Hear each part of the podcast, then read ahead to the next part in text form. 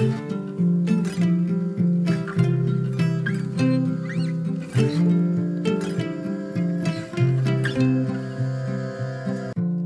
och välkommen till For Health med Anna Sparre.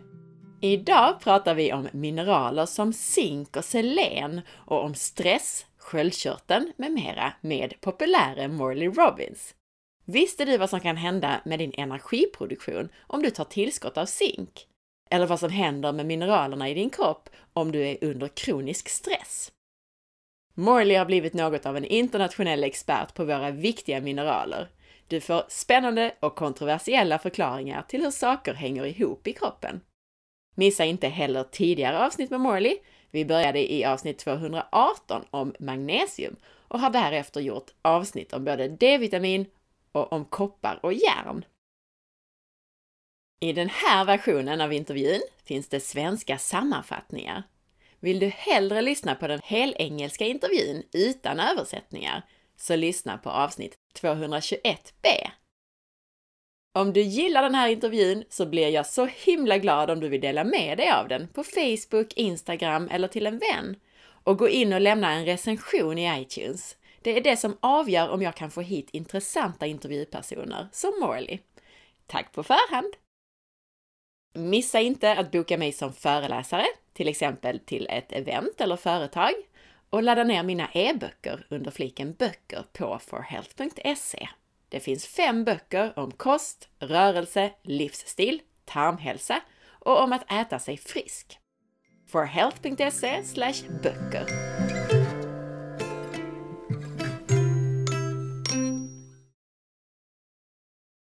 As I told you when I first contacted you, I've always been very skeptical to people's beliefs in taking zinc in isolation without other minerals. And when I found you, you confirmed this in a very practical way.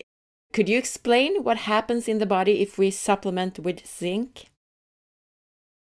First of all, zinc, and these minerals are supposed to be in our food. And when they're in food and they're with their partners and cofactors, you know, they're, they're a very different breed, as you well know. Uh, when we start to isolate uh, minerals, I think we have to be very careful, especially as you're pointing out with zinc. Part of the confusion about zinc stems from this idea that, that zinc and copper in some kind of excuse me seesaw relationship. I don't buy that. Um, the, when you go back in the literature, the obsession in the 19 in the early 1900s and the 1920s was the dynamic between copper and iron. They were very clear about what they were focusing on, and zinc wasn't even mentioned. Zinc didn't come on the scene until Carl Pfeiffer wrote his book about uh, mental and elemental nutrients, uh, and that was in the in the 60s, and that everything changed with his uh, identifying that, that zinc was supposed to be keeping copper in check. It's like that's not the case at all. The, the problem with zinc, there's several several factors with zinc. One is that when you take supplemental zinc, that it activates a key protein in the cell called metallothionein, and that's a protein that's supposed to bind up metals. What has a particular affinity for copper, and it binds up copper a thousand times stronger than it binds up zinc. So that's a problem. And the importance of this difference between zinc and, and, and copper is copper is a very important mineral for electricity in our body. Well, it turns out that copper is 11 times faster than zinc in terms of moving electrons, and copper is three times faster than iron. So, introducing this slowing agent called zinc is not a good idea, especially when it's going to bind up the copper. Then, then another factor is that uh, Duce, D-U-C-E, in 2010 did a very important study of neurodegeneration and discovered that zinc was compromising the ferroxidase enzyme function of what's called amyloid precursor protein. It's a very important protein in the body, and when and when when it's around too much zinc, it causes it to become amyloid beta plaque. And suddenly the, the ferroxidase enzyme is not working, and then that protein gets oxidized, and it, then it becomes plaque. And, and then that plaque starts to collect because these proteins have a magnetic attraction for each other. Why? Because they've got iron in them. And iron is magnetic. So that's a, a significant factor. And then something that I learned just over the weekend that I didn't know about there were two noted, um, one was a physician, one was a, a chemist, but they focused on nutrient studies of food back in the 1930s, 40s, and 50s. Their names were McCance and Widdowson. They were based in England. And they came upon a very important finding that just like iron has no hormonal regulation to regulate its its departure from the body, zinc is exactly the same way. So that when you're taking zinc, it doesn't get out of the body unless you do um, blood donations, which is how you get rid of excess iron, and you would get rid of excess zinc as well. So that this idea that oh we can we can take zinc like it's candy and it'll just wash out of the body, no, it, it doesn't get excreted, it stays, and that's a very significant um, finding that I was not aware of, and it really changes the the game plan about this idea of, of mononutrient supplementation, which, as you probably know, is very dangerous uh, because it, these minerals are meant to be in um, in relationship to each other, and so this idea that we can isolate one over the others is can be very problematic. Okay, that's a great explanation. Just to simplify for the listeners, you had several reasons, but one is that zinc, when we take it, it actually stimulates that protein called metallothionein, which binds zinc, but it's it binds copper even stronger. So if we take zinc, we inhibit the copper to be used in uh, by the body. Yes. Vi ska vara försiktiga med att isolera enskilda näringsämnen. När vi äter mineraler i maten kommer de tillsammans med sina kofaktorer och andra ämnen. Att ta tillskott av zink enbart stimulerar ett protein som heter metallotionin. Det här är ett protein som binder upp vissa metaller i kroppen. Problemet är att det binder koppar betydligt mer än zink. Så genom att ta zink så binder vi upp väldigt mycket koppar så att den inte blir tillgänglig för kroppen att använda till alla dess viktiga funktioner. Allt från energiproduktion till produktion av antioxidanter. Morley håller inte med om att dynamiken mellan zink och koppar är särskilt viktig. Det är inte så att zink ska hålla koppar i schack som många tror. Den viktiga dynamiken, den sker mellan koppar och järn. Det är också så att ett överskott av zink är svårt för kroppen att göra sig av med, på ett liknande sätt som järn är svårt att göra sig av med. You mentioned the thyroid and you mentioned tyrosinase. Please tell us a little bit more about copper's role for our thyroid hormones. Now we're now we're now we're getting into the, the third rail of medicine. It's very it's a very slippery slope because uh, there's so much. Um, I think there's a lot of dogma out there about how the thyroid works and what we need to be focused on. What, what we have to do is back up and and understand that we we have a T4, which is um, it's a tyrosine molecule that has four iodine attached to it. That's T4, and then that's the storage form of the hormone, and then the active form is called T3, and the body has an enzyme. It's a it's actually a seleno, uh, and a, that means that selenium's involved. That it cleaves off one of those iodine, now, what's of great frustration for the scientists is that there's two seleno enzymes in particular. One relates to uh, the the de-iodining of, uh, if I can make that word up, uh, taking taking an iodine off of that T4. Uh, it's a selenium-based enzyme, and then the, another relates to glutathione, which is also a selenium-based enzyme or a selenium-based protein and an enzyme. But neither of those enzymes work in a body that has copper deficiency. It's a great source of, of consternation and wonderment, but there's a very significant relationship between these selenium based enzymes and copper. So that's an important fact for people to understand. Um, then we come to the fact that that the the active form of the thyroid hormone, the T3, the triiodinase um, hormone, it's really it's a sensor. It's it's found in the mitochondria, as you probably know, but it's a sensor for two critical functions. One is it's sensing the status of oxygen, and this, and it's going to be trying to sniff out do we have oxygen being turned into water or is oxygen being turned into oxidants, free radicals, and that's not good. And then the other that it's sensing is the metabolism of fat, because fat metabolism is a very important part of our energy production, as folks know, and that in one unit of, of fat, you can produce about 130 or 140 units of ATP one unit of sugar is only going to produce about 32 units of ATP. So fat is profoundly more efficient at producing energy. And what the T3 is trying to sense is are the cells and the mitochondria inside those cells able to metabolize the fat? Well, it turns out that the beta oxidation enzymes, which break down fat, are copper dependent. And so, so we have this T4, T3 conversion.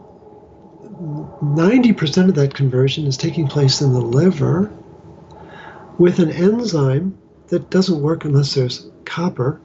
And there's supposed to be twice as much copper in a healthy liver um, than there is iron.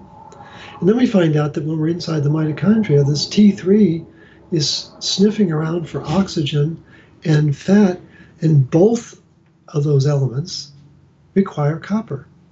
You, you can't activate oxygen and turn it into water to release the energy precursors, ADP, unless you have a properly functioning cytochrome C oxidase enzyme.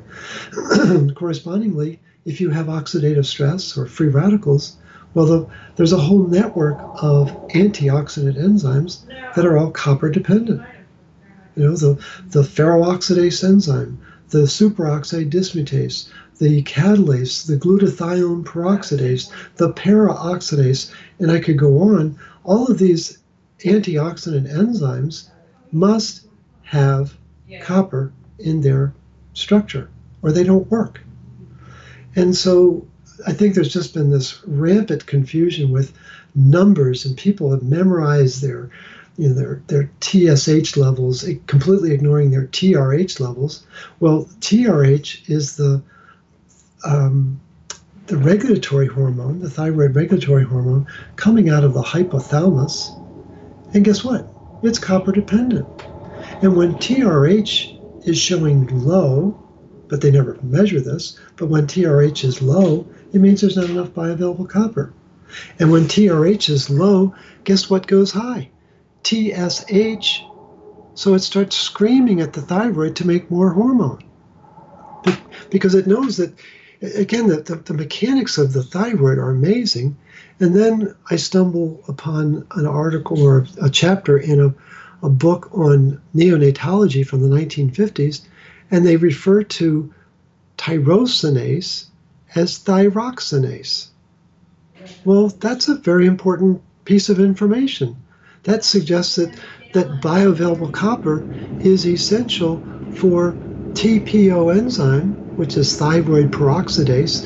And, and when you go into the literature, you'll find that, oh, yes, vitamin C is important for TPO function, but, but they want you to believe that it's ascorbic acid, when in fact it's the tyrosine molecule that's at the center of that uh, whole food vitamin C, which has, it's a three sided pyramid and it has copper at all four points, the top and the three at the base. And that tyrosine, tyrosine enzyme, which is actually thyroxinase, is essential for the proper functioning of the TPO enzyme. And so I think there's the, the irony, I, I guess I should say that was not a pun that I was intending, but it is kind of funny. But the irony of, of this question on your part and my answer is everything about the thyroid involves copper. And let's get to the retinol side of it, because copper and retinol have a very close working relationship. Well, it turns out that, that what transports the thyroid hormone? It's a protein called TTR, trans thyretin protein. TTR, trans for transportation or transport, thy, thyroxine, and retin for retinol. And if the, if the thyroxine and the retinol are not together, it doesn't work. Well, then we find out that when we get inside the nucleus of the thyroid um, cells, and they've got a they've got a name. I can't remember the. I think it's like thyrocyte or something, but the, but the actual cells of the thyroid, when you get inside the nucleus of those cells, that the there is a thyroid receptor that needs to hook up to something called RXR, retinoid X receptor. So a TR needs to connect to an RXR, and when that happens, it activates what's called the promoter region of the nucleus, and then the transcription can start to take place, and the and the production of the the um, thyroid hormone can in fact begin at that point. And, and that means that retinol is absolutely essential for the production of thyroid hormone. And what I've read in numerous uh, articles about thyroid function is that if someone is deemed hypothyroid, they have low thyroid function, it means that they have low retinol status in their body and in their thyroid. And so this this global obsession with thyroid could in fact be nutrient deficiencies because there's not enough copper and there's not enough um, real vitamin A, retinol, in our diet. And it's absolutely amazing. That explains a lot because I usually recommend people with thyroid problems to to take more retinol, to take more vitamin A or to eat more of that. And uh, and that usually helps but i didn't know all these details about it. I just knew that a lot of people with thyroid problems they get these orange hands because they can't really transform that uh, how do you say in english carotenoids? Yes right. Into vitamin a so then i usually recommend retinol but i didn't know all these aspects of it. And the and the key there on the on the beta carotenes and the carotenoids is that the enzyme to convert beta carotene into retinol, BCMO, beta carotene monooxygenase, it's a copper dependent enzyme. And so it, it takes 12 units of beta carotene to equal one unit of retinol. And what people have to be very careful of is that the retinol that's found in properly prepared cod liver oil that you would, I assume, would find easily in um, Scandinavia, certainly in Sweden and Norway and Finland. Um, that's a very different beast than retinyl palmitate, which is a synthetic form of a component in the in the natural metabolism of, of the retinol vitamin. So people have to be very careful that we've been lulled into thinking that a fat is a fat is a fat, only to find out that well, grass-fed butter is very different than margarine, is very different than corn oil, is very different than canola oil. And, and we've got to stop thinking that it doesn't matter what form it comes in, it's just fat. No, it matters greatly what the origin of the nutrient is and how it's been processed by hands that, that may not really care what the end product is. Another interesting aspect that you mentioned is copper's involvement in the transformation from the storage form T4 to T3. When I work with clients with thyroid problems, it's very often autoimmunity, but sometimes then we just see very, you know, normal panels apart from the T3, which is low. Right. And it usually helps with some selenium, but now you explained it in a very good way with, with the copper as well. And what usually will bind up the, that mechanism inside the liver is too much iron because they may be eating a fortified diet or they may have um, what's deemed anemia because the practitioner doesn't understand that in an inflammatory state that the iron gets sequestered into the tissue because the because the macrophages are really smart. They've been around a long time and they sense that if, if there's some perception of infection or inflammation they're going to pull the iron out of the out of the blood. And then the practitioner is going to say well you're anemic not knowing that well actually let's start asking some more questions. You know, like when did this process of low iron start? And what are the stressors that the person is under? What kind of diet are they eating?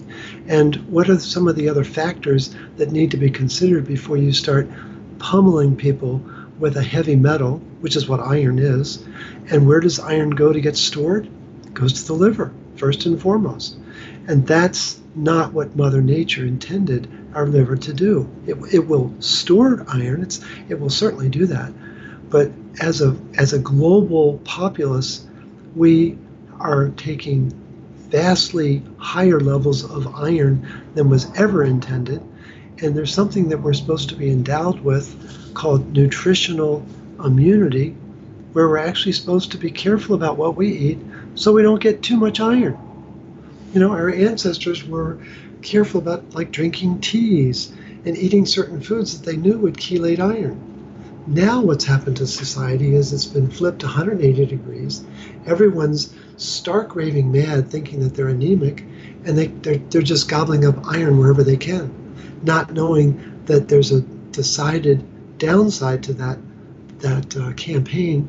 And they're, they're, at the end of the day, they're going to fill their liver full of iron, not to mention other parts of their anatomy, uh, not, not the least of which are the endocrine glands. That's something I should have mentioned. That the endocrine glands are one of the first storage depots for excess iron, and especially for a woman, it's going to be the thyroid, and especially for a man, it's going to be the prostate. So that's why why those problems arise in women and men. Yeah, that's very common problems, as you said, like thyroid problems in women and prostate problems in men. Absolutely. Sköldkörteln och dess hormoner är helt beroende av koppar. Selen är också involverat i att omvandla T4, lagringsformen av sköldkörtelhormon, till T3, den mer aktiva formen. Enzymet som sköter detta kräver selen. Men flera av kroppens viktiga selenbaserade enzymer fungerar inte i en kropp som har brist på koppar. Beta-oxidationenzymerna som behövs för att cellerna ska kunna använda fett som energi är kopparberoende. Och hur väl vi bryter ner fett i cellerna är något som påverkar T3, vårt sköldkörtelhormon. Något annat som påverkar T3 är hur väl vi använder syre. Och cellernas användning av syre är även den kopparberoende. Morley tar också upp det faktum att många av kroppens viktigaste antioxidantenzymer är beroende av koppar. TRH är hormonet som bildas i hypotalamus i hjärnan och som i sin tur stimulerar TSH. Många stirrar sig blinda på TSH när det bara är en liten del i en lång kedja av hormoner. TRH är kopparberoende och blir lågt om det finns för lite biotillgängligt koppar.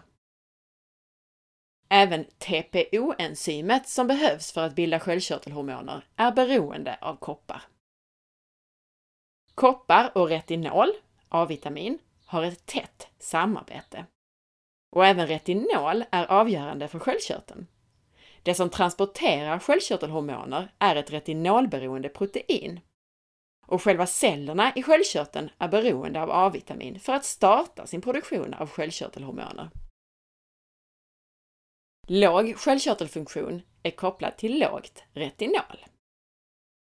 Vi nämner också omvandlingen från karotenoider, till exempel i grönsaker, till A-vitamin i kroppen. Något som många med sköldkörtelproblem har svårt med. Den omvandlingen är kopparberoende. Morley nämner också formerna i tillskott, till exempel av A-vitamin. Syntetiska former är inte samma sak som det som finns i riktig mat. Han drar en parallell till fetter. Smör, margarin, rapsolja och majsolja är inte samma sak. Inte heller olika former av vitaminer och liknande. Det spelar stor roll var näringsämnet kommer ifrån och hur det har framställts och processats. Något som kan påverka omvandlingen från T4 till T3 i levern, där den till största delen sker, är för mycket järn. Järn lagras i huvudsak i levern, men också i våra körtlar, bland annat i sköldkörteln hos kvinnor och prostatan hos män. Även om personen i fråga har fått diagnosen anemi så kan för mycket järn ligga avlagrat i vävnaderna. Om makrofagerna i vårt immunsystem känner av att det finns någon form av infektion eller inflammation så kommer de att städa undan järn ur blodet. Ni minns att järn göder bakterier. Talking about the thyroid, you mentioned selenium, and we in Sweden we have a soil which is very poor when it comes to to especially selenium, all minerals, but especially selenium. We have an average intake of less than 40 micrograms of selenium daily, whereas some parts of the United States have an intake of 600 micrograms daily. Hmm. Based on that, what do you say about taking selenium supplements? Um, I, have never worked with them. I mean, again, I, I encourage people to get um, minerals, certainly in mineral drops for their water or through a, a nutrient dense diet. Uh, that you would assume that the minerals are going to be there. Uh, and you obviously are raising a very decided uh, disadvantage uh, given the soils of, of Scandinavia. Um, I guess what I would go back to is what what did your ancient ancestors do? What was the source of selenium in that part of the world so that they were able to sustain themselves uh, and and not have problems? I, I, I have to believe there must be some food or some um, environmental factor that would offer up that selenium that has been lost to the um, the societal mores of of today versus 200 years ago. I just don't know what it would be. Yeah, no, uh, well, the problem has been the past, I don't know, 50 or 100 years that we erased the selenium because of all the chemicals and, and everything that we put into it, like uh, fertilizers and everything. So there, there's nothing left. Seafood is usually a good source of selenium.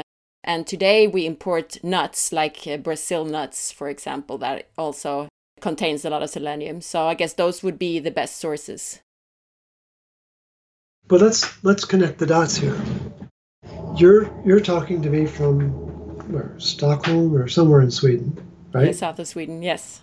Okay, and you're eating nuts from where? Brazil. exactly. does that does that make any sense at all? Well, no, but as we say, to get some of the minerals that we don't have in the soils oh, of Sweden. That's oh, that's no, I, how we do it. Yeah. No, I do. I understand. I think people would be far better off to try to get minerals from seawater, which you're surrounded by, and and from the sea sea creatures and sea vegetables, than to be importing nuts from another part of the world. I mean, I, I talk to I talk to clients up in Canada, and I, and I always ask them, so what are you using for oils to cook with? And the, the first two that they come back with always are coconut oil and olive oil. And I, I always ask the obvious question so, how many coconut trees do you have in your backyard, and how many olive trees do you have? And again, we don't, we, we think because we're a very sophisticated global society now that we can import food from Paraguay and it's going to be perfectly well received by our body. The, the thing is, your genetic structure is different than my genetic structure. Why? Because I'm a product of mostly England and now North America, and I'm assuming that your is more related to uh, Scandinavia and that part of the world. Well, our ancestors ate different foods, and that food is code that triggers activity of genes. And the, the best book I've ever read about this is called Deep Nutrition by Cate Shanahan. And for your followers and listeners that really want to delve into the fascination of how food affects our genetic code, that would be a wonderful book for them to read to realize that maybe I should think twice about eating Brazil nuts when I'm living in Sweden. The thing is, in theory, I totally agree with what you're saying, and that we're, you know, we're adapted to the foods that our ancestors ate. Right. The problem here, though, even in the ocean, so our oceans around Sweden, surrounding Sweden, they are super small, and especially in the south of Sweden, it's such a still small water so it's very much affected by the farming around it and it more or less only i mean it's, it's starting to totally die it's, it's more or less only contains uh, nitrogen nowadays so we still have an issue with the fish from our seas and, and everything to get what we need Right. but in theory i agree with what you're saying No, it's it, you know the, the thing is it's it's very frustrating. Our our ancestors did not have to parse and analyze everything they ate, and that's a great source of stress for us today, because because you're alluding to farming practices have changed, food processing has changed. You know, there's so many factors that that you know the the, the whole you know what what's what are the pollutants in the air? What are the pollutants in the water? What are the pollutants now in the soil? We our ancestors didn't have those challenges. They they worried about whether they were going to have food. They were worried about whether they were going to live. That's no less of a stressor. It's just changed in the modern era. And i i totally understand and embrace what you're saying. It's just people need to step back and think about the macro uh, rationality of what they're doing and, and just be more thoughtful about how they're getting their their nutrients and their minerals uh, in their daily diet. I agree. But talking about selenium and, and maybe supplementing with selenium i believe i've read that selenium could also stimulate metallothionein just as zinc does. Do you know about Oh, that no, that that's a very intriguing um, uh, connection. I did not know that. And i'm not never- sure I'm definitely going to look into it, and and that might in part be again, you know, sometimes people think I wear a tin hat. You know, oh my gosh, here he goes again. But I think that there's been a rather decided orchestration of events that have affected magnesium status, copper status, and retinol status. And I can't think of three nutrients that are more important for regulating the body, creating energy, dealing with ox- oxidative stress than those three nutrients. And yet somehow they are under constant attack. And it, it wouldn't surprise me that there's a connection between selenium and metallothionein, but I will definitely look into that because I think that could be a, a new twist to what the problem is. Vi diskuterar selen och jag konstaterar att vi får i oss väldigt lite selen med maten i Sverige. Vad finns det för naturliga källor till selen och hur gjorde våra förfäder för att få i sig det? Mat från havet, som fisk, skaldjur och alger, är i regel rika på selen. Men frågan är hur mycket selen vi har i vår övergödda Östersjö. Morley betonar hur viktigt det är att försöka äta en kost som är lik den våra förfäder åt. Det vill säga inte bara att äta en paleokost, utan att även tänka geografiskt och äta som våra förfäder ätit i Skandinavien, om vi nu kommer härifrån. Vi tar också upp frågan kring selentillskott och huruvida det på liknande sätt som zink stimulerar metalloteonin och därmed kan binda upp andra mineraler, inte minst koppar. Morley har inte svar på frågan här och nu, men jag har sett en studie som visar att selentillskott stimulerar metallotonin lite, dock inte lika mycket som zink gör. I'm very glad that you're pointing out stress all of the time because everyone is very stressed today and everyone that comes to me as a client has an issue with stress.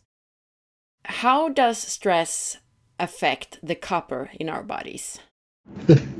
it was how, a how big much, how question. much how much time we have we got? Anna? It's like- no, this, no, it's very it's very important. I think we, we all live lives of stress. Every every one of us. And I've talked to over 5,000, 5,500 people in the last decade, and I've heard just about every conceivable story of stress, stress that you could ever imagine. I mean, things that I wished I'd never heard. Uh, it's just it's amazing that people have lived through what they've lived through, and that's in part a testament to the resilience of the human spirit. But when we're in a situation of acute stress, the mineral that takes it on the chin first and foremost is magnesium. very immediate loss of magnesium because the body, uh, in, in the face of stress, needs to make energy, and you expend magnesium in the process of, of making energy to respond to that stress. So there's an acute loss of magnesium. but when the stress lingers and continues and becomes chronic, then all bets are off and a lot of things start to change. And one of the things that may surprise your listeners is to find out that under chronic stress, the liver activates that same enzyme or protein, metallothionein, and guess who it binds up? binds up copper. And suddenly, we've now lost the two most important minerals for making energy. We've lost the magnesium to acute stress, and now we've lost the copper to chronic stress. And that's a significant blow to the body's mitochondria and their desire to make energy. Because you, in the in the mitochondria, there are five stops, and stop number four is dominated by copper. Turns out there's a magnesium ion there as well that's holding on to water, which is a very important part of the process. Then we come over to complex five, and the, there's a rotor that's spinning at 9,000 revolutions per minute, which is pretty fast. Um, your car redlines at six, um, 6,000. And so every, again, 9,000 revolutions per minute, and every 120 degrees, that part of the mitochondria is making a new energy molecule spelled magnesium hyphen ATP. So 27,000 ATP are being made every minute for one for one mitochondria. That's that's the numbers start to get big very fast, and so um, the the inability to have copper to make energy suddenly creates a problem with activating the oxygen that's being delivered to tissue by iron. Again, iron is a waiter carrying oxygen and that oxygen is supposed to be turned into two molecules of water. So for each molecule of O2, it's supposed to become two molecules of H2O. And when that happens naturally and completely, then there's three precursor energy molecules that are released, 3 ADP. Well, under stress, that oxygen isn't going to get activated because the copper is being bound up because of the metallothionein. And then suddenly what's going to happen is the oxygen is going to turn into oxidants. What are oxidants? Those are accidents with oxygen. When the oxygen can't be activated completely, they turn into free radicals. And, and what are we supposed to use to clear those free radicals? Copper based enzymes. And so under stress, we don't have as many um, copper based enzymes. And so suddenly the superoxide dismutase is supposed to be getting rid of uh, superoxide. It's it's actually hyperoxide. It's it's a very reactive form of oxygen. Um, well, then, that's not working right, that's not good. Well, then we're also going to be making more hydrogen peroxide. Well, hydrogen peroxide and iron is explosive, and suddenly we get what's called the hydroxyl radical, and it's the most destructive biomolecule on the planet and that's what causes the um, nucleus to get dinged. It's what causes the membranes around all the organelles to get rusty. It's called lipid peroxidation. And it's what affects the protein formation inside what's called the endoplasmic reticulum. And they become what's called carbonylated, which means they become rusty. I don't know why they don't use the word rust. It's, it's a lot faster. The DNA the, the membranes and the proteins get rusty. And that's, that's, we could even remember that, couldn't we, Anna? And so all of this is happening in a, in a nanosecond, and we're not aware of it. We just know we don't feel right. And then it starts to affect, there's a, there's a whole spectrum of copper enzymes that need to be made to make new collagen, to make new neurotransmitters, uh, to metabolize uh, different proteins and, and cofactors to make new blood. We need to have bioavailable copper. And suddenly the machinery of the body starts to wobble when we don't have adequate levels of copper. And then just to, you know, kind of put an exclamation point on it, when we take the, the surface area of the 25 trillion red blood cells in our blood, so that's a lot of red blood cells, and you add up the surface area of all 25 trillion, it equals about one acre of surface area. That's a lot of land inside our body. And that's basically a, a one acre blanket of iron. And that acre of iron is being regulated by one penny's worth of copper. And that's a very mind numbing idea that that small amount of copper you know, is enough to regulate that acre. And what's happened with the farming practices that you've talked about, the food practices that you've talked about, the stress of life affects the amount of copper that's available. And suddenly that penny of copper has become a BB of copper. It's much smaller and it doesn't have enough sway inside the body. And so that's where the, the real crisis is taking place because people don't know that high fructose corn syrup absolutely chelates copper. That, that glyphosate that's being added to farms all over the planet chelates copper. That um, that the um, the, in, the intake of Tylenol, as innocent as it might be, affects the the recycling of glutathione and glutathione peroxidase. Well, suddenly the greeter for copper in the cell uh, disappears. People, people don't realize that ascorbic acid, this ubiquitous nutrient that everyone thinks is second to none, in fact destroys the bioavailability of ceruloplasmin, the most important protein in the human body. And study after study after study has proven its impact on ceruloplasmin, and yet people take it like it's candy. And so that this idea of stress is not just the emotional stress and the the relationship stress and the financial stress and the you know I was in a car accident stress. It's the metabolic stress because we have a diet that is completely backwards from what Mother Nature intended. Morley betonar ofta problemet med stress för vår kropp och vår omsättning av mineraler. Vid akut stress är det i huvudsak magnesium som tar smällen. Morley brukar prata om magnesium burn rate. Vi förbrukar mer magnesium vid stress. Vid stress behöver cellerna producera mer energi och detta tar magnesium. Det vill säga vi förlorar omedelbart magnesium. Och när stressen blir mer kronisk så aktiverar levern mer metallotionin och binder alltså upp mer koppar.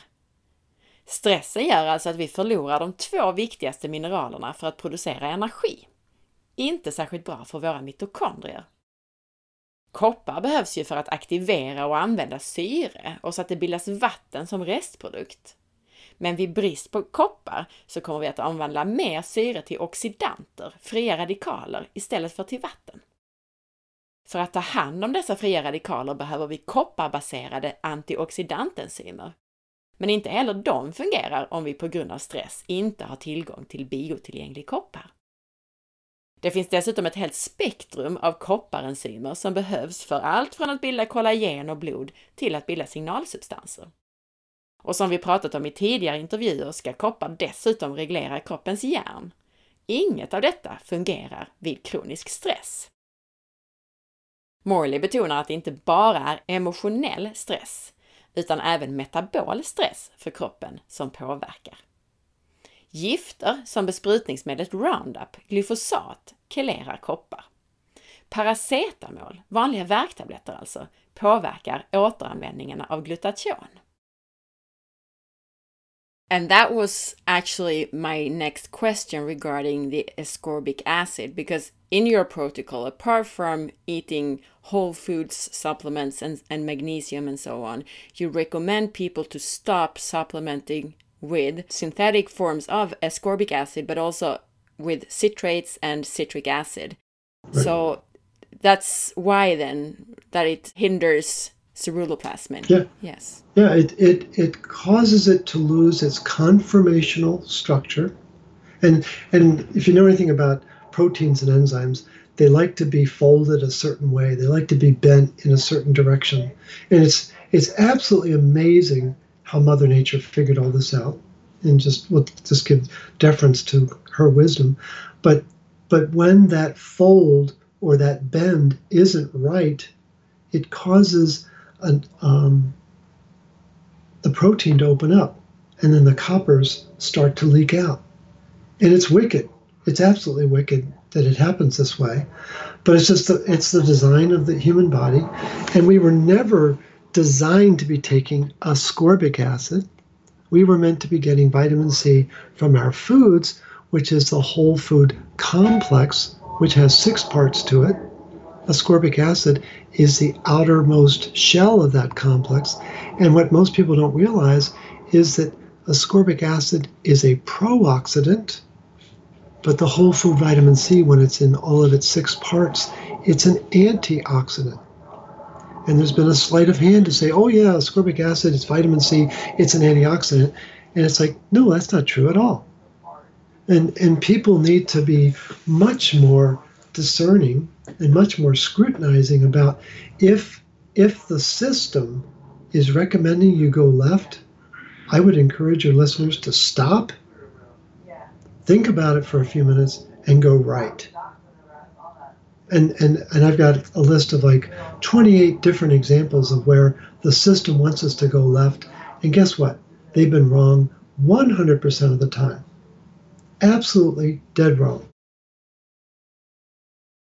since I found you and your work, that's the main thing that I have changed myself and, and for my clients because most of the things that you recommend, I did like using cod liver oil and high fat uh, whole food stuff. But the ascorbic acid part, I changed immediately when I read what you explained just now. Very important.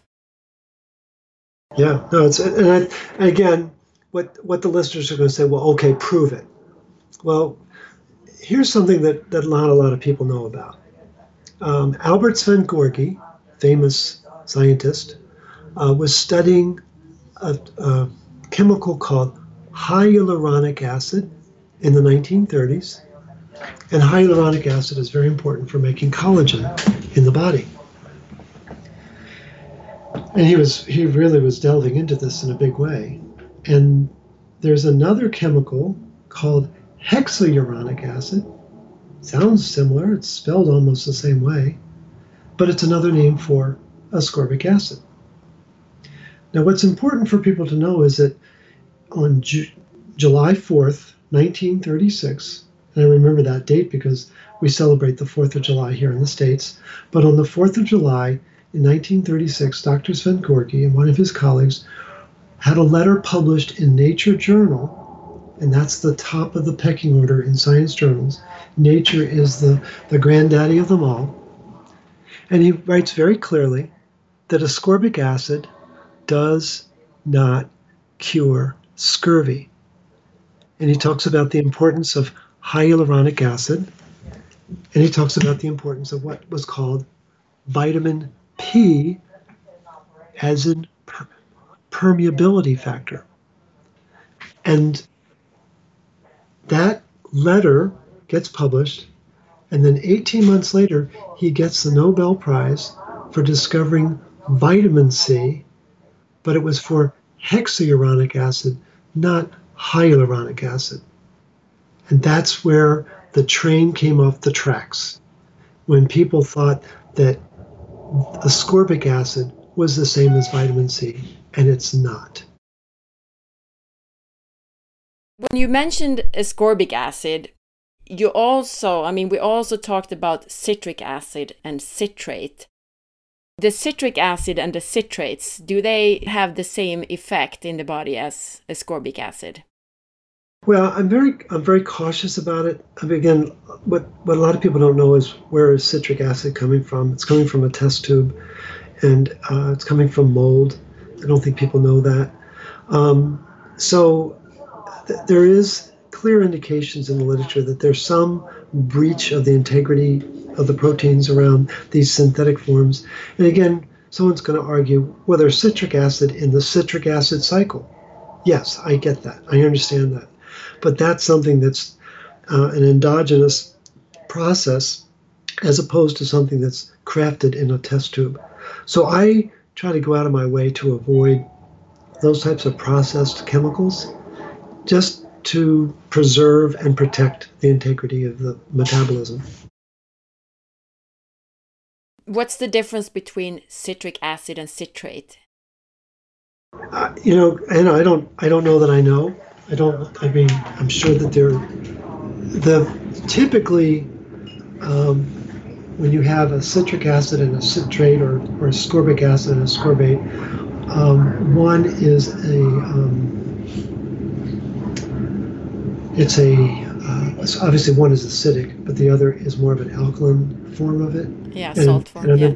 yeah, salt form. And I'm embarrassed. I can't tell you the exact uh, structure of it, but I just tend to be very cautious about either one of those. Yeah, but do you know is citrate manufactured from citric acid? Do you know that? I, I don't have intimate knowledge. I have just learned that um, many years ago, my wife and I were traveling. We were staying at a hotel, and we were waiting for breakfast, and we lost our appetite when we saw the um, food preparer pick up a bag of what was eggs, liquid eggs that had been already stirred up. And the mistake that we made was to ask to see the ingredients on that bag. and citric acid was one of the first ingredients.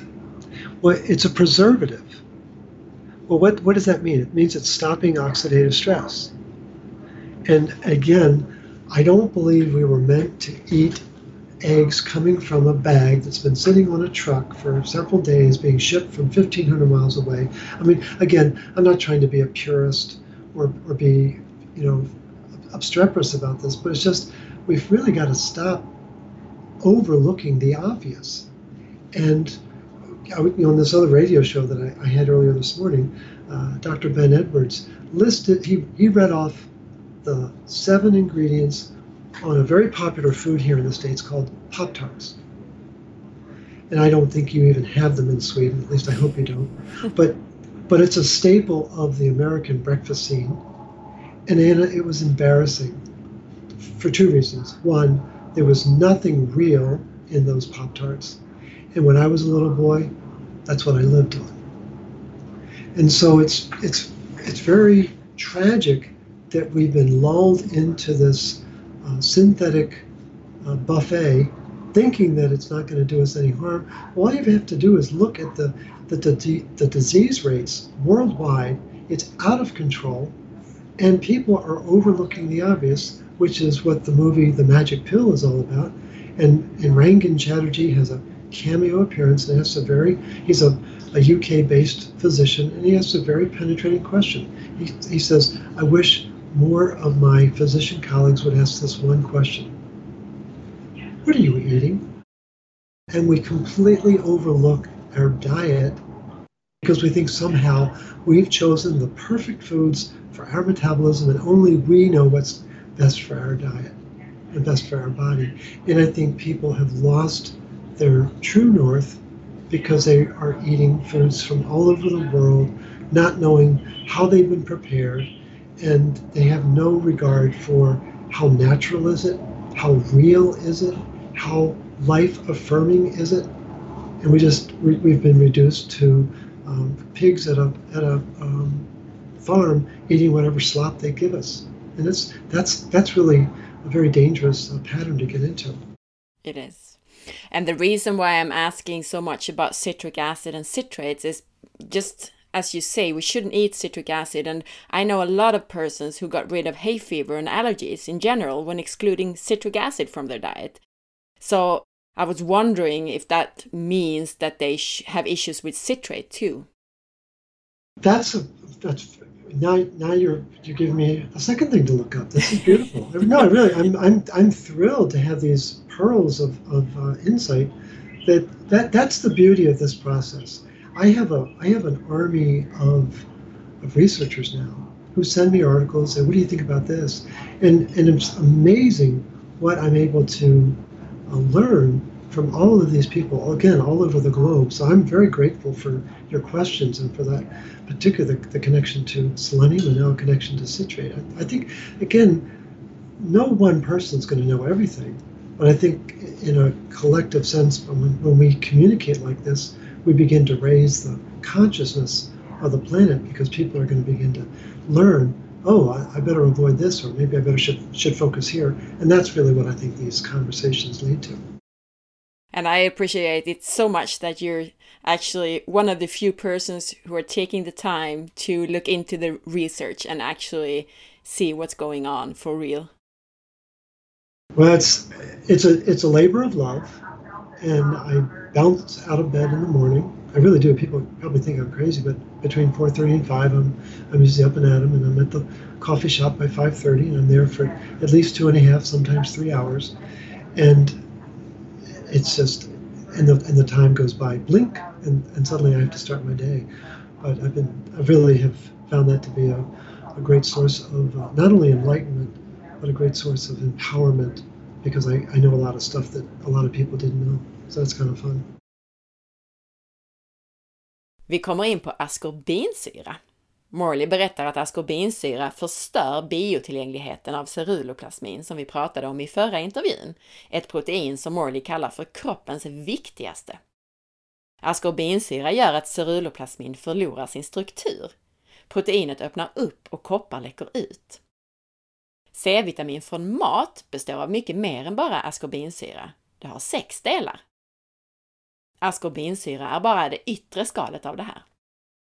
Morley berättar att medan riktig C-vitamin är en antioxidant så är askorbinsyra en prooxidant.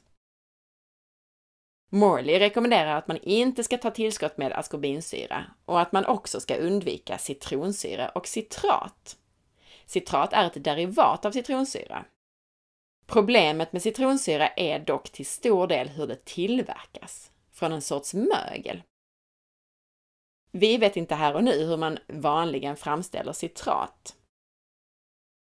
Många med allergier, särskilt hösnuva, verkar bli bättre av att undvika just citronsyra. We've had other guests on the show talking about other things needed for energy production, such as CoQ10, PQQ, and acetyl L carnitine. What's your opinion on supplementing with those kinds of supplements? Yeah, no, I think you know, I think a wonderful book for people to read um, if they haven't. And again, I don't know whether it's been translated, but it's a book by Stephen Sinatra, and it's called Metabolic Cardiology. Uh, the, the, heart is the most energy-consuming organ in our body. It's a very important um, processing center, as you can imagine. And he talks about what he calls his four horsemen uh, to be able to make energy. And certainly, uh, carnitine is very, very important. Magnesium is very important. Uh, um, um, ribosomal proteins, and then I'm blanking on the fourth one. Oh, CoQ10 that yeah. you just mentioned. So again, the irony of that is that the the three that I just mentioned that are not a mineral are readily found in red meat. Carnitine, L-carnosine, I mean L-carnosine and and uh, the ribosomal uh, protein and the CoQ10 are readily found in, in meat. And of course, we have magnesium coming from water or, or other food sources. So I think that those are very important. And, and what is CoQ10? Well, it's it's moving electrons, but it's also an antioxidant inside the mitochondria It plays a very important role, as you can well imagine. Um, and so, or I think it's called D-ribose. I keep referring to it as ribosomal protein. It's D-ribose. And again, these are very important factors. And what is you know carnosine doing? It's it's moving fat so they can be uh, properly broken down. Well, I think the question that people need to ask is why am I not getting those factors in my regular diet? Has there been some change in the food system? that's that's causing that. And so again, I tend to be very cautious about synthetic forms of those nutrients. And so that maybe I think they are very important, and I know how important they are metabolically, but I'm not sure I would run to a bottle to get it, as opposed to trying to to make sure that it's in my diet, my my day to day diet. The thing I believe, I mean, as you said, you should reflect on what you're eating, but I also think that the stress that we're under today and the society, and that we're, I mean, if we look at people like 40,000 years ago, they say they worked an average of 17 hours a week, and we work 40 hours, and then after that, we should uh, cook and clean and do everything else. And I think that may be that we, our cells are consuming more of these nutrients like CoQ10 for example. Right. That's just my idea of it. No, I think that makes a lot of sense. Vi tar upp andra ämnen som behövs för energiproduktion, som till exempel Q10 och PQQ, vilket vi pratat om i tidigare avsnitt. Morley betonar fyra element som särskilt viktiga för energiproduktion. Förutom biotillgänglig koppar då, som vi diskuterat tidigare. Han tar upp magnesium, deribos, karnitin och koenzym Q10. De senare finns i rött kött. Morley ifrågasätter varför man inte skulle kunna få i sig det man ska av detta från kosten. Han är skeptisk till syntetiska former av allt. Jag betonar att stressen i dagens samhälle gör att vi troligen förbrukar mer av de här ämnena, så kanske vi ändå inte får det vi behöver från maten. Dessutom ska jag tillägga att man med åldern producerar mindre av de här ämnena själv i sin kropp. Mer om de här ämnena, bland annat i avsnitt 183, 202, 209 och 216. Actually, now after all these calls, I, I think I've asked all of my questions. So I mean, you're kidding. I had a lot of questions and I'm so happy with your explanations of everything. In general, for people listening to this interview, where should they start? I mean, could you summarize your main recommendations? Yeah. The protocol, uh, it's called the root cause protocol. Um, you could you could call it the restore ceruloplasmin protocol. You could call it the uh, the real chill pill. You know, there's a lot of different ways of what RCP stands for, but they can go to the website rcp123.org and they can download the manual. There's an instruction manual. It's broken down into phases. Uh, the, the phase zero is to stop doing what the system wants you to do. Stop taking ascorbic acid, stop taking vitamin D, stop taking iron, calcium, things like that because they're not helping you. Stop taking margarine. I mean, again, you'd be amazed at what people are ingesting on a regular basis.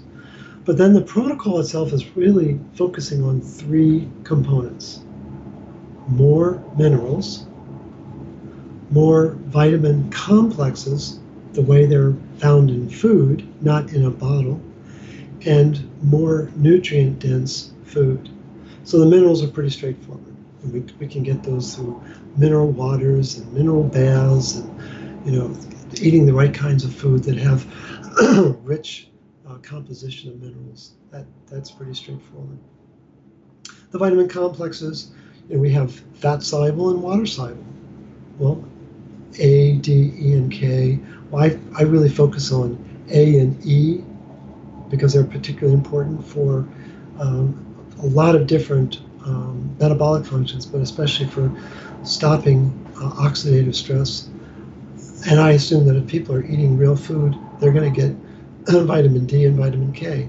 I, again, I don't like people getting synthetic forms of these uh, nutrients. On, on, the water soluble side, again, the, the best source of B vitamins on the planet is liver, especially beef liver. Uh, I don't know about fish fish livers. i have never really studied it. Uh, chicken livers, I'm not as um, excited about because of the nature of feed for chickens. And again, we've got to be careful with all of these animals. Ideally, we want farmers who are giving them their natural feed, uh, which is a bit of a challenge, as you can imagine. But the the liver is a very rich source of not just B vitamins, but it's you know choline and catalase and uh, retinol, an amazing source of retinol. Uh, so, so these are very important uh, sources. And then um, vitamin C. You know, obviously the the challenge is finding foods that actually have vitamin C, whole food vitamin C. You would think citrus, but again, I don't know if there are many citrus trees in in uh, Scandinavia. I don't know what the sources of vitamin C are. We have a lot than, of berries. We have a lot okay, of berries. Yes. Wonderful source of vitamin C. Absolutely. So that would be an important source. And then the nutrient dense foods really come down to that liver and the cod liver oil, especially, but organ meats in general. Uh, our ancestors ate organ meats and had dishes based on organ meats, and they gave the muscle meat to the dogs. And people need to start realizing that there was a reason why they did that. And so uh, the nutrients are not found in the muscle meat. Yeah, they taste great, they're yummy, but but the, the, the, the nutrients are really found in the organs because that's where all the metabolic activity is. And if, if there's metabolic activity, that means there's enzyme activity. And if there's enzyme activity, that means there's minerals. So that's where they, that's why the organ meats are so important. And then people can see that there's sort of a phasing process, you know, you know, one, two, three. And we try to break it down so it's easier for people. Uh, when you start to do the protocol, what I can tell folks is that this protocol was stolen from Mother Nature. I, I make no bones about it. And and what it does is it mobilizes iron because it's mobilizing the production of ceruloplasmin. And and the the process that takes place is that suddenly people's iron does in fact get mobilized, and what they've got to do is get into a, a habit of donating their blood. Now, men should be donating their blood on a quarterly basis, especially over the age of 40. And women um, certainly are going to have a, a menstrual cycle. I encourage them to do a blood donation twice a year, and then when they go into menopause, start to do it on, on a quarterly basis as well. Uh, the, the documentation of, of the incidence of disease, the incidence of heart disease, the longevity is dramatically different for blood donors than non donors. And in every case, the donors have a longer lifespan, fewer heart events, fewer disease indices for one reason only. They have less iron in their body causing rust. And it's that straightforward. So this is a very uh, practical approach. Uh, there, there are several moving parts, but I think as people begin to work with it and they, they follow that phasing approach, I think they'll find that it's um, actually pretty easy to do. The, the goal here is not to go from zero to 100 and suddenly start doing all of the components all at once. I, I think that's too much to expect. And it's much better to, to ease into this process of, of rebalancing and recovery and just enjoy the ride. And um, just be mindful of the fact that the body can, in fact, rebuild itself and re- restore its nutrients and, and especially its minerals and these vitamin cofactors and be very grateful that the body knows what to do once those nutrients are brought back into the daily diet. And that's really what the protocol represents. These are the nutrients and the ingredients that have been engineered out of the food system. And what we're doing is saying, let's start to reintroduce them so that we can begin to lower the incidence of um, stress and lower the incidence of disease uh, in our life and in the lives of those that we care about. Great. And I wanted to add too, you recommend, as I do, to eat uh, organ meats. And liver is actually also a good source of vitamin C if you don't overcook it. Exactly. Yeah. And, and what I learned just the other day from a colleague is that, um, and I don't know whether you have access to this, but they, they do sell um, these organ meats in a desiccated form. And desiccated adrenal tissue is a rich source of vitamin C because that's where 95% of the whole food vitamin C is found in a mammal. And what this a chiropractor here in the States does is he puts his clients on that desiccated, and he has amazing results in their ability to restore uh, not just vitamin C, but restore bioavailable copper in their body because it's a very powerful uh, form of it. Morleys huvudsakliga rekommendationer kallar han för the root cause protocol. Det skulle även kunna kallas the Restore Ceruloplasmin Protocol eftersom det fokuserar på just kroppens tillgänglighet av ceruloplasmin. I fas 0 rekommenderar Morley att sluta med ett antal saker. Sluta ta askorbinsyra, sluta ta vitamin D, järn och kalcium. Sluta äta konstgjorda saker som margarin och ät istället en näringstät kost. Fokusera sedan på att få i dig mer mineraler och mer vitaminkomplex som de finns i kost, alltså inte i tablettform eller flaska. Morley rekommenderar att få mineraler från till exempel mineralbad, såsom med Epsomsalt eller magnesiumolja till exempel, och särskilda mineralvatten. Att få i sig de fettlösliga vitaminerna A och E är särskilt viktigt. När det gäller vattenlösliga vitaminer så är världens bästa källa för B-vitaminer lever. Lever innehåller dessutom en massa annat fantastiskt såsom kolin, retinol och enzymet katalas. Morley rekommenderar inälvsmat i allmänhet, eller organ meat. Näringen finns i organen, inte i musklerna på djuret. Glöm förresten inte att lyssna på avsnitt 158 på just det här ämnet. Och tänk på att äta djur som fått rätt mat, alltså den mat de är anpassade till att äta. Morley betonar att äta C-vitaminrik mat. I Sverige har vi ju bland annat våra fantastiska bär och så grönsaker och nypon som jag nämnt tidigare. Vitamin C finns dessutom i lever och i binjurar. Det Morleys protokoll gör är att mobilisera järn i kroppen genom att öka produktionen av ceruloplasmin. Det som också ska till är att lämna blod. Vi bör lämna blod fyra gånger per år, eller två gånger per år om vi menstruerar. När vi kommer upp över 40 år så är detta extra viktigt. Blodgivare har bättre hälsa än andra eftersom de har mindre järn som rostar, alltså som skadar kroppen.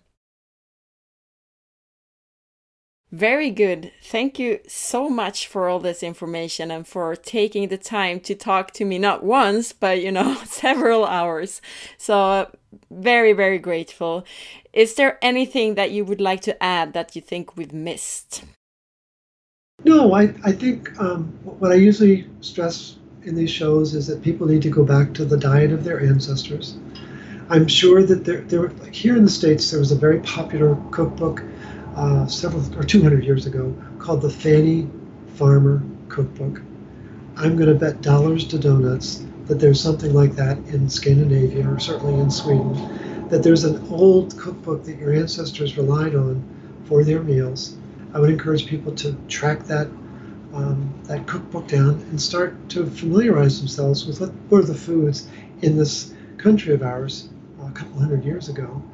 And another backup would be um, Sally Fallon's Nourishing Traditions. She's obviously the head of the Weston A. Price Foundation, and she has wonderful suggestions and recipes from all over the globe. But I just think people need to be more uh, foundational about their diet and get back to the basics. And I would encourage people to not chase uh, their symptoms with mononutrients that's very dangerous because, as you pointed out, you know, we, we start to chase this nutrient, well, that might affect another nutrient. And, and the whole purpose behind the root cause protocol is to provide a spectrum of the nutrients that our body needs on a regular basis so that we don't get into get, get that confusion factor uh, being generated because we're focusing on just zinc or focusing on just selenium or whatever it happens to be.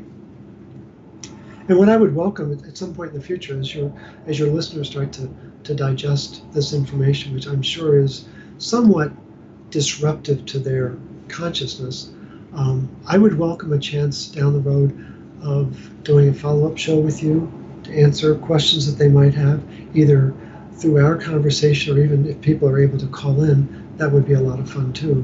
But keep I want to keep that option alive that um, I'm always happy to have these conversations and as I said, I've never met a question I didn't enjoy. And so I look forward to um, clarifying any points of, of confusion that might be out there or following up on any uh, observations that I've made along the way. Because ultimately, what I what I really chose to do when I started this work was I wanted to be the thinking person's nutritionist. And I made a very conscious decision to go upstream, uh, to get to the source literature, to really dig into, find out how does the body really work, not how does the internet want me to think it works. And so I would welcome uh, your listeners' follow up questions to clarify points that we've discussed. That's great, and that's very generous of you. I would love to have you back. I could also then tell the listeners to ask their questions in the comments for this or any of these episodes on the website. So on forhealth.se you can find the episode information and, and there you can comment and ask questions that we could then follow up. That would be great. Absolutely. And then when it's when it's convenient for you at some point, I'd love to get the URLs for these conversations so that I can share it with with others because I know that a lot of people are going to find this exchange very helpful. You've asked wonderful questions. I really appreciate the time that I can tell you put into this because of the nature of the questions you've asked. And I love the fact that you you really drilled down on certain topics because I know that, that that's what it takes to really ferret out the truth. So I've really enjoyed the time together and, and look forward to uh, future exchanges when the opportunity arises. Morley betonar slutligen att försöka hitta recept som våra förfäder använt här i Skandinavien och att inte jaga mononutrienter i isolerade former i tillskott. Han välkomnar också frågor som vi kan besvara i en uppföljande intervju vid ett senare tillfälle. Ställ då dina frågor på forhealth.se i kommentarerna till något av de här avsnitten som vi har gjort nu med Morley. Alltså ställ dem på själva hemsidan forhealth.se.